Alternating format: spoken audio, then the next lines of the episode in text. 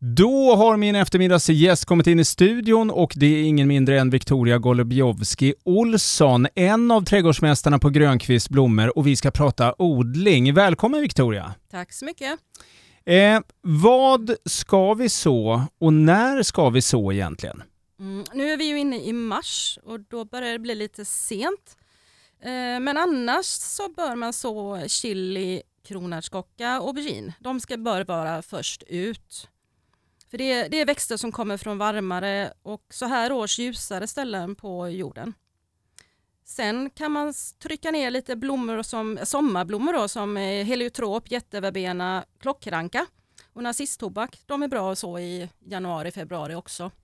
De eh, du räknade upp där, är det vanliga eh, växter att så? Eller är det liksom, eh, det här är odlingsproffs som gör eh, de här olika växterna?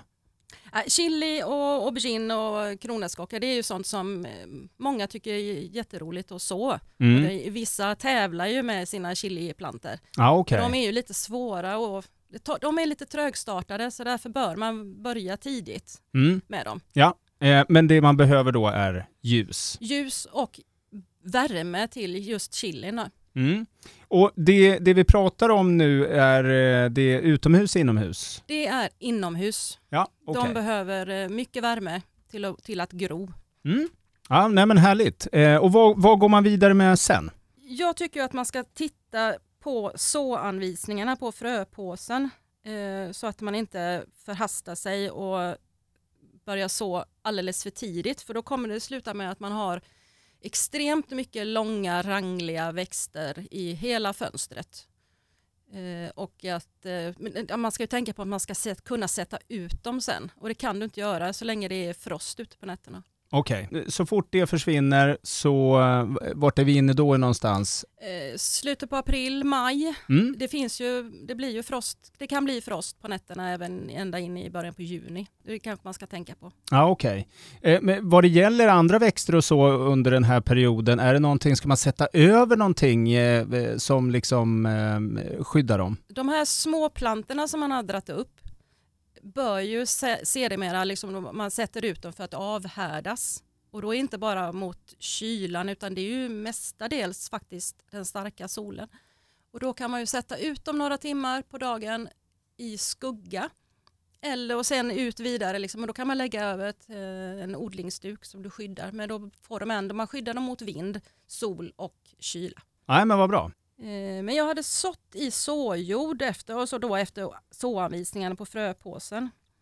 Eh, för de, många frågar, liksom, måste man ha såjord?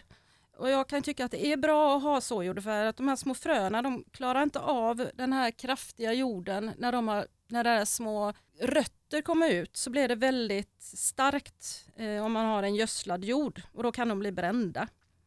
Men däremot så kan man ju lägga gödslad jord eller vanlig blomjord i botten och så lägger man ett lager med såjord överst så att de först kommer igenom såjorden och sen vidare ner i den lite kraftigare jorden. Eh, man kan även blanda i något som heter vermikulit som gör, tillför jorden luft och gör den lucker och lite varmare.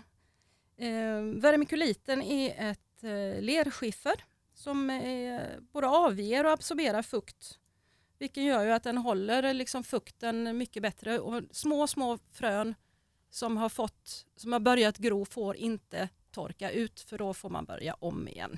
Ja, Okej. Okay. Va, vad sa du att det där hette? Värme... Vermikulit. Vermikulit. Mm. Det är som ett litet guldfärgat skiffer kan man säga. Okej. Okay. Uh, man kan även lägga det uppe på, uh, det finns frön som är ljusgroende, uh, till exempel basilika. De får inte ha en massa jord över sig för då gror de inte. Nej. Eh, men däremot kan man lägga över den här vermikuliten. Då. Ja, men vad bra. Hur är det då med ljuset så här tidigt på året? Ljuset är ju väldigt viktigt och det är ju ingenting som vi har väldigt mycket av så här tidigt på året. Speciellt inte januari, februari. Eh, även om man märker att det blir lite ljusare dag för dag. Eh, men har man möjlighet så är det bra att sätta upp en extra växtbelysning Speciellt för chilin för den behöver verkligen ljuset och även värmen som blir från eh, ljuset. Risken är att plantorna som jag sa innan blir väldigt långa och rangliga annars. Tills de har liksom blivit små plantor då kan man sänka ner några grader så att de blir lite svalare. Eh, är vi fortfarande inomhus? Vi är fortfarande inomhus. Ja, bra. Mm. Eh, och själv tycker jag att en ljusramp med LED-belysning är bra. För då är det lätt att hänga upp den på rätt avstånd. Eh, cirka 10-20 cm ovanför växterna. Och då kan du höja dem allt eftersom de växer. Så att de inte liksom blir brända av, eh, av värmen. Mm. Eh, sätt gärna en timer som ger plantorna ljus. 12-14 timmar per dygn. Eh, för de behöver få vila lite också så att man inte har på den hela dygnet, liksom dygnet runt. Det är lite dumt. För de behöver få lite vila. Eh, sallad, rucola, asiatiska bladgrönsaker, de klarar sig med 8-10 timmar per dag. Eh, som jag sa innan så behöver chilin och aubergine rätt varmt för att gro. Eh, ja, plus 25-30 grader. Och sen så när de har kommit upp så sänker man dem till runt 20 när de visar sina små karaktärsblad. Kronärtskockan kan ha något läge, runt 18-20. Eh, på andra plats ut är eh, purjo, rotselleri, stjälkselleri och gyllenbär. Det är de som kallas för fysalis också.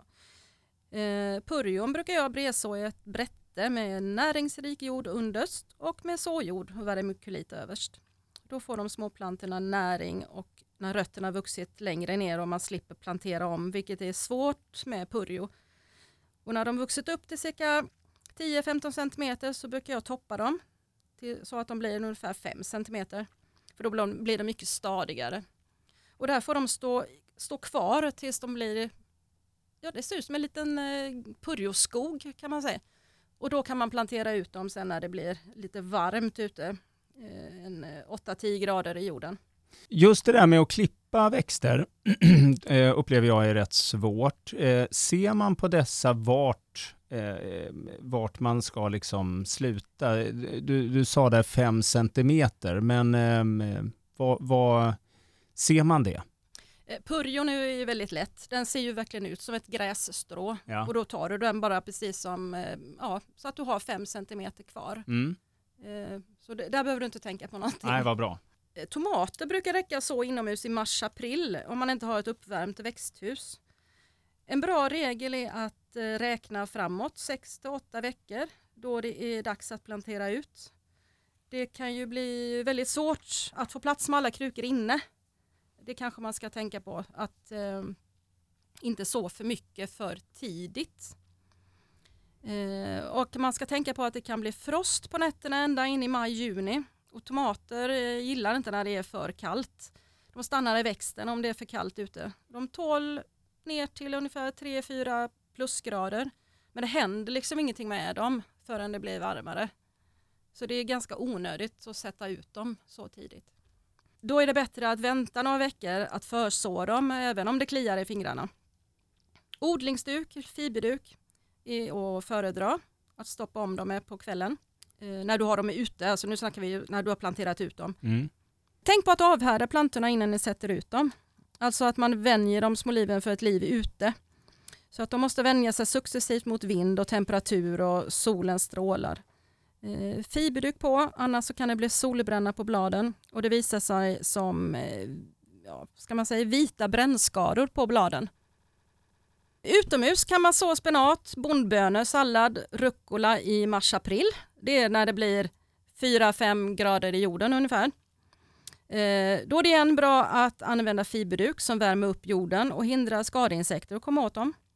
Det gör även att plantorna växer snabbare och det är bra speciellt om man är rucola.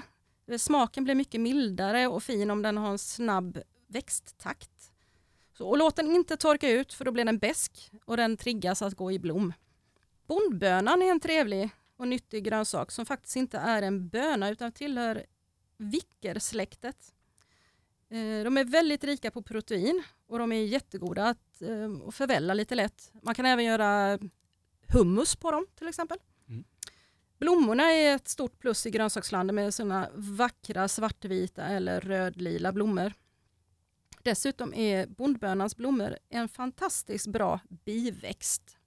Tack Victoria Golubjovski Olsson, trädgårdsmästare alltså på Grönqvist Blommor, för att du kom förbi och lärde oss om odling. Vet att många av våra lyssnare eh, säkerligen har följdfrågor också eventuellt på detta, men då får man eh, gå in och så fråga efter dig Victoria. Eh, tack för att du kom förbi. Tack ska du ha.